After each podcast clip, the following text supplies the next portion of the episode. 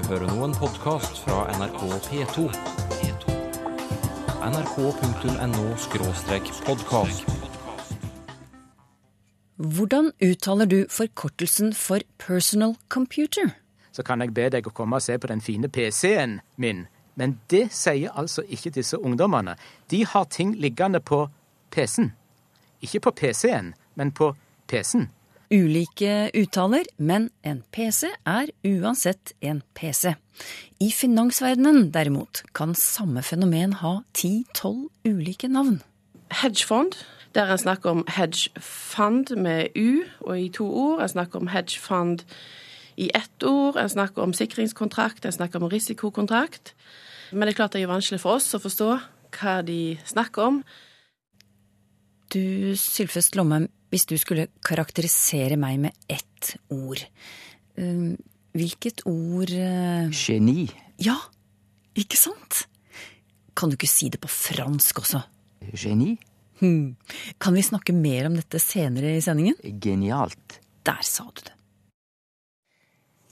Det er en god del forkortelser som har funnet sin naturlige plass i dagligspråket vårt. VG, OL, TV, PC og slik jeg uttalte disse ordene nå, ja, det er nå sånn akkurat jeg sier det. Andre sier dem kanskje på andre måter.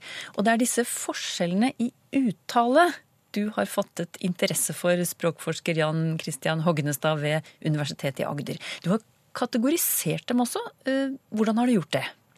Jo, jeg har i grunnen lyst å beskrive en uh, tretrinnsrakett, hadde jeg nær sagt. En mulig språkendring i tre trinn. Ja, vær så god. Og, ja, eh, og det første trinnet det finner jeg eh, hos min egen foreldregenerasjon. Eh, for når min gamle far skulle si VG og OL, så sa han nettopp ikke det. Han sa VG og OL, altså omtrent som han sa god mat.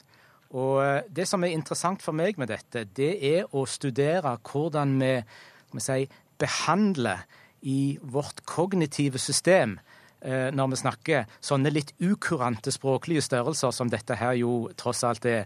Og det far min da gjorde, det var å behandle disse her forkortelsene som to separate ord, der hvert av ordene fikk sitt eget hovedtrykk. Hvorfor gjorde han det, tror du? Nei, det, altså eh, egentlig er ingenting mer naturlig enn det, fordi verdens gang og olympiske leker, det var jo to, eller er jo notorisk to ord. Og han bruker bare samme eh, strategi når han forkorter de, som når han uttaler de i full versjon. Så det var faren din. Det var far. Men så er det deg, da. Så var det meg, ja. Ja, Og meg òg, for så vidt. Ja visst. Eh, og vi har prosessert disse forkortelsene på en annen måte. For vi sier, som du sa innledningsvis, sånn som VG og OL. Og da er det litt artig for meg å ikke bare se på det som en uttalevane, men konstatere hva det er vi egentlig gjør. For da behandler vi nemlig eh, disse forkortelsene som sammensatte ord. Altså, når jeg sier VG, så er det omtrent som jeg sier nysnø eller peisved. Eh, og det jeg da gjør, er altså å lage et sammensatt ord. Eh, og lage en tonekontur, en tonelag to-kontur, som jeg så å si synger ordet med. Og da er det ikke to ord lenger, sånn som det var hos far. Da er det ett ord, men et sammensatt ord. Ja, hvorfor, har vi, eh, hvorfor gjør vi det annerledes enn faren din? Ja, eh, sånne hvorfor-spørsmål er grusomt vanskelige, vet du. Eh, jeg kunne tenke meg å nevne at norsk er et språk som nettopp karakteriseres ved at vi har forskrekkelig mange sammensatte ord. Eh, ikke sant? Vi, på norsk så kan vi ta et ord som verden og rekord og forsøk, og så kan vi lage ordet verdensrekordforsøk ut av det. Og mange er ikke klar over at det er det ikke alle språk på langt nær som kan. Engelsk kan de jo ikke. Så vi er veldig innforliva på norsk med det å lage sammensatte ord. Altså det å sette ordrøtter sammen til lange sammensetninger og synge en sånn enhetlig melodi på det. Så det vi gjør når vi lager sammensatte ord på VG og OL, det er rett og slett bare å bruke den evnen som vi som norsktalende har, til å lage sammensatte ord. Jeg har lyst til å tro at det har med det å gjøre. Så der er det forskjell. Vi er litt sånn verdensmestere, vi. Da forstår jeg jo å sette sammen eh, ord og, og lage nye sammensatte ord. Ja, la oss, eh, la oss eh, si at vi er det. Du vet, Ofte så får vi jo høre at norsk er sånn et fattig språk i forhold til engelsk. Og når det gjelder det vi snakker om nå, så er jo det egentlig bare tull. Norsk er et veldig rikt språk nettopp pga. alle sammensetningene våre. Men OK, det er en litt annen sak. Ja, Men du, nå har vi snakket om de voksne. Hva med dagens unge? Hvordan behandler de VG, PC, OL og, alle de andre forkortelsene? Ja, Det jeg har sagt fram til nå, er for så vidt gammelt nytt eh, for alle som ikke har eh, hørt det før. Så det som egentlig er det nye her, det er det jeg har lyst til å si nå. Og da har jeg lyst til å bruke PC som eksempel. Eh, dette har jeg hørt hos ungdom, ikke minst hos unge gutter som jobber i PC-butikker, for å si det sånn. Og jeg merka det i grunnen først når jeg hørte at de bøyde ordene i bestemt form entall. For hvis vi nå tenker på uh, peisveden min. Hvis jeg har vært veldig flink å hogge ved, så kan jeg be deg å komme og se på den fine peisveden min. Eller på den fine PC-en min, ville jo jeg ha sagt. Men det sier altså ikke disse ungdommene. De har ting liggende på PC-en. Ikke på PC-en, men på PC-en. Ja. Og da interesserer det meg virkelig, for da har de funnet en ny måte å prosessere Eh, behandle forkortelsen vår på. Da er det ikke et sammensatt ord lenger som har en intern struktur i seg. Eh, da behandler de en PC, PC-en, akkurat som de behandler en nese, nesen. Som et vanlig ord, fremdeles med to stavelser og fremdeles med tonelag to, men ingen sammensetning, ingen struktur inni der. Og da må jeg komme med dette vanskelige ordet igjen. Ja, du må vel det. Hvorfor? ja, Eh, her, dette blir eh, spekulasjon, selvsagt. Eh, svar på hvorfor-spørsmål blir faktisk ofte det. Og jeg kunne tenke meg at eh, disse ungdommene på en måte har mista taket i den egentlige leksikalske betydningen til ordet PC, altså som forkortelse for personal computer på engelsk, som det jo egentlig er. Eh, opphavet til ord kaller vi jo etymologien til ord. Og jeg tenker meg at hvis sansen for et ords etymologi forsvinner, så står ordet i fare for å bli endra på helt nye og uventa måter. Og derfor, kanskje, er det at de behandler PC omtrent som om det skulle være nese. Språkforsker Jan Christian Hognestad, jeg har forstått det sånn at du nå samler på slike forkortelser for å se hva som eh, skjer med dem. Trenger du hjelp, kanskje? Ja, forsamlingen min er veldig liten sånn som den er nå. Så hvorfor ikke eh, utfordre lytterne og si hvis de hører andre eksempler på forkortelser som behandles på samme måten, eh, som altså blir bøyd og behandla og uttalt som om det var enkeltord og ikke sammensatte ord, så er jeg faktisk interessert i å høre om det. Og da formidler vi det gjerne. Skriv til Teigen krøllalfa nrk.no. Driver du med shortselling? Eller foretrekker du shortsalg? Hva med blankosalg eller mangelsalg? Dette er finansspråk og bare et lite knippe av alle de ulike ordene som brukes for å beskrive ett og samme fenomen, nemlig at du selger noe før du har skaffet deg det. Dessuten var det en illustrasjon et av mange eksempler på hvordan vi ennå ikke har klart å bestemme oss for ett sett med norske standardord som vi kan ty til for å snakke om økonomi. Marita Kristiansen ved Norges handelshøyskole, du har undersøkt språkbruken i finansmiljøene. Hvorfor kan ikke finansfolk holde seg til norsk terminologi når de f.eks. For skal forklare finanskrisen? Eh, et godt spørsmål. Eh, en grunn til det er nok da at fagområdet deres er utrolig internasjonalt. De jobber nok i det daglige mye på engelsk, på direkten. Slik at eh, for dem er det nok ganske naturlig å bruke engelsk. Eh, men det er klart det er vanskelig for oss å forstå hva de snakker om eh, når de bruker så mye engelsk sjargong når de snakker. Hva sier de selv om hvorfor de bruker så mye engelsk og sånn engelsk-norske uttrykk? De holdningene jeg har fanga opp, det er kollegaer på NHH som, eh, når vi diskuterte språkpolitikk på NHH, når vi skulle etablere retningslinjer for vår språkbruk, stadig vekk påsto at det ikke fantes norske uttrykk. Så det var ikke nødvendigvis da at de ikke ville bruke de, men de mener at det ikke eksisterer norsk som en kan ta i bruk. Stemmer det, da? Eh, det var det jeg eh, ville finne ut når jeg setter i gang eh, studien som jeg nå har gjennomført med å se på finansspråk i norske aviser. og Studiene så langt viser at det finnes masse norske uttrykk, litt for mange norske uttrykk mm. for de samme fenomenene, men det finnes òg veldig mye engelsk og veldig mye hybriduttrykk, altså en kombinasjon mellom norsk og engelsk. Og det er disse hybridene som ser ut til å være vinne fram, for det er iallfall de som er mest frekvente når jeg teller opp eh, bruk. Ja, Så altså en salig blanding av helnorske uttrykk, hybrider eller sammensetninger av norsk og engelsk i ett uttrykk, og anglisismer. Altså at de rett og slett tar engelske ord og bruker dem ja. sånn som de er. Ja. Mm. Du, har du et eksempel på hvordan et fenomen blir omtalt på alle disse tre måtene? Ja, altså du nevnte jo shortsalg eh, sjøl innledningsvis, der det er veldig mange varianter. Et annet uttrykk eh, kan være hedgefond, som også har vært diskutert ganske mye i forbindelse med finanskrisa. Der en snakker om hedgefund med U og i to ord. En snakker om hedgefund i ett ord. En snakker om sikringskontrakt, en snakker om risikokontrakt.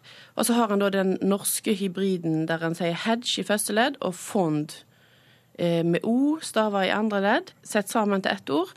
Så en beholder på en måte den der engelske hedge, altså det som betyr å, å sikre seg. Hedge er jo hekk på engelsk, det er å gjemme seg bak en hekk. Ja. ja. Det var ganske mange varianter. ja, det blir en del. Ja. Men så er det jo noen da som prøver å lage nye norske uttrykk som kanskje da beskriver mer prestist eh, dette fenomenet, eller som kanskje er mer forståelig. Hvordan oppstår eh, de nye eh, avløserordene? Altså, En god del av disse eksisterer faktisk i fagordbøker fra før av. Men jeg har, det jeg har sett på, det er jo avistekster og der eh, er det helt klart sånn at journalistene gir en stor innsats i å lage nye uttrykk. Eh, ofte så blir de nye uttrykkene presentert da i aviserteksten med gjerne den, den engelske anglisismen i parentes. F.eks. sånn som når eh, supreme-krisa eh, slo inn for fullt, eller subprime-situasjonen, så ble det jo utvikla utrolig mange nye uttrykk i avisene. Så det er helt klart at eh, journalistene har et stort behov for å prøve å få formidla og få forklart for folk flest hva det er som foregår. Har du et eksempel på et slikt nytt ord som du syns eh, har blitt veldig godt og, og lett å forstå? altså, Knytta til suprimekrisa så ble jo dette med råtne boliglån etablert. Eh, og nå seinere så har jo dette med råtne spareprodukt blitt etablert som synonym til strukturerte produkter, eller strukturerte spareprodukt. Men det er klart at begge disse to uttrykkene er jo forholdsvis negative, sånn at det, det, de blir jo på en måte veldig populariserte. Og det er jo klart at det, eh, institusjoner som selger eller har solgt såkalte garanterte produkter eller strukturerte produkter, vil nok ikke nødvendigvis være enig i at dette er råtne produkt. Men, eh, men de er jo veldig beskrivende, i hvert fall, på den situasjonen som en del har opplevd når de har investert i disse produktene. Men du sier altså at din undersøkelse viser at eh, de som snakker og skriver om eh, finanskriser og andre slike forhold, de bruker mest hybridord, altså sammensatte ord. Hvorfor er det slik, tror du? Ja, altså Jeg har jo ikke forska på hvorfor de bruker det, men jeg tror nok det kanskje er da at den har en genuin interesse eller ønske om å bruke norsk. Det ser iallfall slik ut. Samtidig så en kanskje er redd for å trå feil hvis en oversetter det, altså lager en helt ny norsk term, eller bruker en term som eksisterer i ordbok, for da at en da er usikker på ja, men er dette akkurat det som en snakker om når en bruker det engelske uttrykket. At en kanskje føler seg litt tryggere når en da har en blanding mellom det engelske og det norske, men at en da ønsker å få det mest mulig norsk. Så det er jo veldig gledelig f.eks. å se at det de hybridtermene som er mest brukt, de er sammensette uttrykk. sånn at du har ikke denne orddelingssyka som, har vært mye diskutert eh, de siste åra. Så, så, de blir, de blir seende norske ut når det gjelder ortografi. Og det er jo positivt, syns jeg. Mm. Men hva syns du selv om at det finnes en skog av uttrykk eh, når, når vi skal snakke om økonomi, og de går i alle retninger, både norsk og sammenblandinger og, og anglisismer. Hva syns du selv om det? Eh, nei, jeg syns jo ikke noe om det. Som termolog så har en jo sånn prinsipp om at en skal helst ha et sånn én-til-én-forhold mellom begrepet og termen. Det tror jeg ikke er mulig. Men jeg mener at vi må kunne få antallet lågere. Eh, en kan ha uttrykk som på en måte er mer populariserte når en f.eks. i aviser der en skal formidle til allmennheten. Men så mener jeg at f.eks. Eh, mine kollegaer på NHH eh, må kunne bli enige om færre termer som de kan bruke f.eks. når de skal undervise, slik at studenter kan få seg trent opp i et godt norsk fagspråk, så de kan bruke når de skal ut og formidle, formidle sitt fag. Det sa Marita Kristiansen ved Norges handelshøyskole, NHH. Og det skjer ting. Handelshøyskolen og Norges Bank skal samarbeide om å utvikle norske faguttrykk innen økonomi og finans. Tanken er at Norges Bank selv skal bruke denne terminologien, og da vil ordbruken forhåpentligvis smitte over på næringslivet og andre som snakker om pengespørsmål. I tillegg havner ordene i NHHs termbase for økonomiske fag, og den databasen kommer til å være tilgjengelig for alle. Språkteigens lyttere er stadig like vitebegjærlige, Sylfest Lomheim. Eh, Einar Hanserud har to spørsmål. Det første lyder slik. Hva er opphavet til ordet blogg? Som jo er en slags dagbok på en internettside, altså blogg. Ja, det kjem rett og slett fra det engelske ordet web, logg. Og web er jo vev, og logg er ei forkorting for det gamle sjømannsordet loggbok. Å føre loggbok var jo det samme som å føre en slags journal til sjøs og beskrive korleis du segla, og korleis eh, ja, vinden var, og forskjellig. Så det er egentlig et veldig gammelt ord som ligger til grunn for dette moderne blogg. Det, den, den, delen som er kjernen i det ordet, er det gamle heidersordet loggbok. Han Einar O. Hanserud vil også vite hva som ligger i ordet bondskhet. Ja, det betyr jo uelegant. Eh, sjølsagt, det veit jo de fleste. Det som jeg med et litt skrått smil kunne legge til, er at eh, alle de som er så politisk korrekte og er opptekne av at eh, diskriminerende ord skal settes på ei liste, og vi skal ikke bruke dem, de har ikke kommet på å sette opp bondskhet og bondsk på lista over forbudne ord.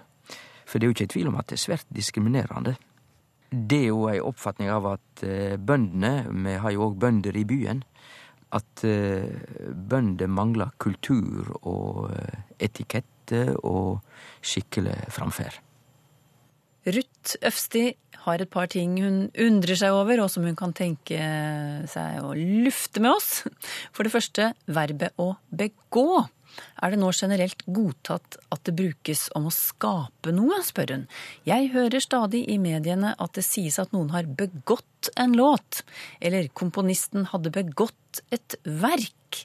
Når jeg hører dette verbet, tenker jeg på en kriminell handling. Er ordet i ferd med å endre innhold? Vi kan jo ta det først.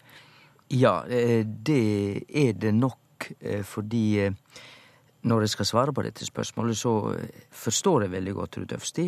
Hun mener at begå blir brukt i tradisjonell språkbruk om brotsverk. Det er noe negativt som ligger i å begå, fordi det blir knytt til kriminelle handlinger. Og det er derfor hun reagerer på at eh, noen har begått en låt og har begått et verk, for det er jo positivt. Men da må jeg si det at vi kan ikke sette opp eh, strenge regler for bruken av ord. Og dette er Jeg oppfatter dette som kreativt, slengprega, litt morosamt, litt slik kjekt eh, nedvurderende 'jeg har begått en låt'. Og det er klart at hvis det er den språkstilen du prøver å formidle, så er det, da er det greit. Hun stiller også spørsmål ved bruken av ordet åsted. Hun skriver det er ikke uvanlig at det sies åsted om det jeg vil kalle et skadested, f.eks. For i forbindelse med trafikkulykker som ikke skyldes noe kriminelt. Altså hun knytter ordet åsted til en kriminell handling.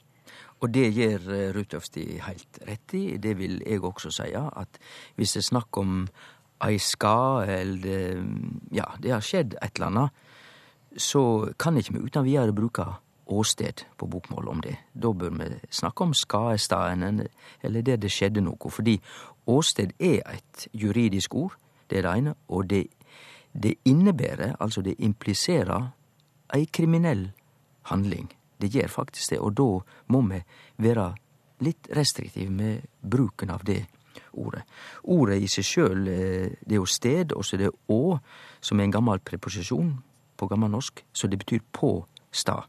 Dermed kan vi si at eh, det moderne uttrykket på åstedet er smør på flesk når det gjelder preposisjoner, for det betyr egentlig på på staden.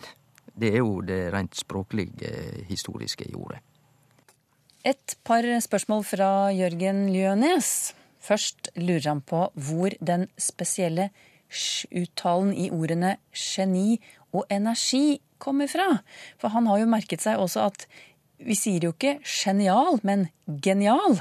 Og det er jo kanskje litt forvirrende.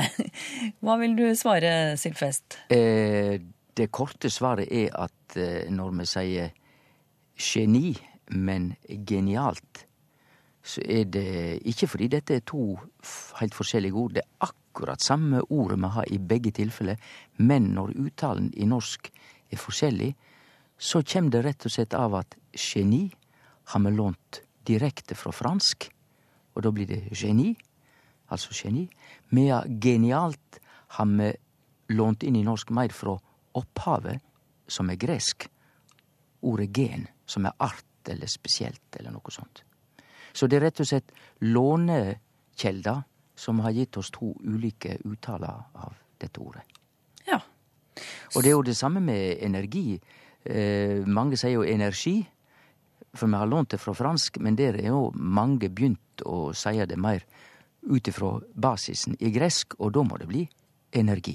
Men kan vi gjøre som vi vil der, eller er det en standard vi skal følge når det gjelder ordet energi? Eh, der vil jeg si som tidligere språkkonsulent i NRK at eh, den tradisjonelle uttalen vil nok mange si energi. Jeg ville tilrå energi, siden det er 100% korrekt og faktisk mest i samsvar med opphavet, og det er også det som gir det mest funksjonelle i norsk, nemlig samsvar mellom tale og skriftbilde. Hm. Da vet vi det. Får vi se om vi klarer å rette oss etter det. Men så har han jo et spørsmål til, Jørgen Lønes. Hvor kommer ordet komfyr fra? Ja, det er artig. Det kjem fra nederlandsk, men nederlandsk har det sannsynligvis fra fransk. Og der første delen eh, skal ha med sjå å gjøre. Det kan jo bli til KOM, som betyr varmt. Og fyr kan ha med four eller foir, Rom, altså et varmerom på fransk. Trule. Det er iallfall ikke norsk opphav. Mm. Et varmt rom, altså? Ja.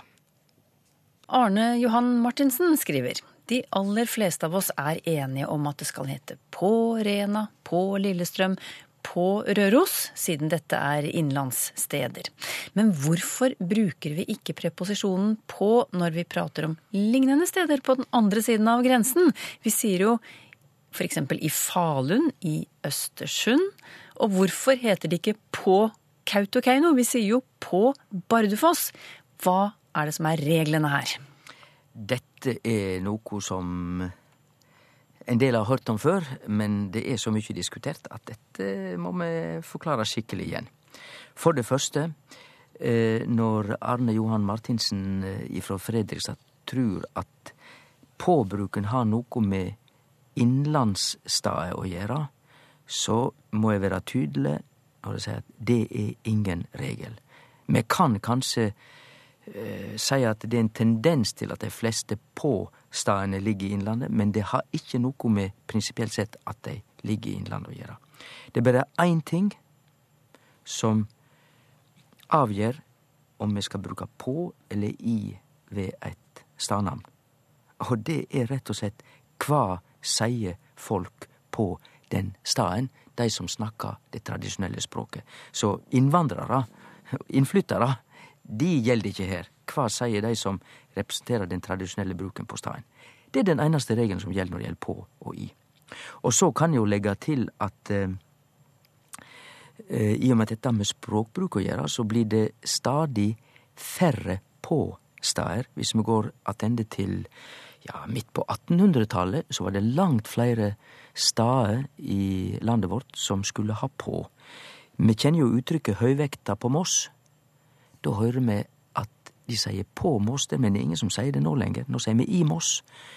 Det uttrykket er altså så gammelt at det var til på den tida de sa 'høyvekta på Moss'. På 1800-tallet sa de òg 'på Molde', ved kysten. Nå heter det jo bare 'i Molde'. Så det er regelen for på i. Vi må undersøke på staden. Neste delen av dette med på i er at alle navn som er navn på kommune, og også fylke, de skal ha i.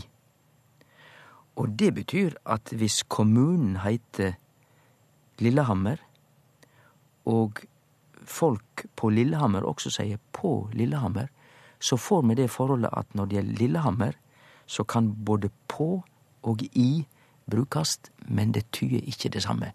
På Lillehammer er altså den tradisjonelle bruken om tettstaden, men i Lillehammer, da er det kommunen, det administrative ordet, vi snakker om. Språkteigen er slutt for denne gang. I neste sending blir det gjenhør med temaet tysk i norsk slang. Überkult. Überbra. Jeg sier jo det. Überbra. Det kan være litt stas å strø om seg med tyske slengord som en sånn måte å slenge oppover på, istedenfor å slenge nedover. Mer om tyske slangord i Språkteigen om en uke.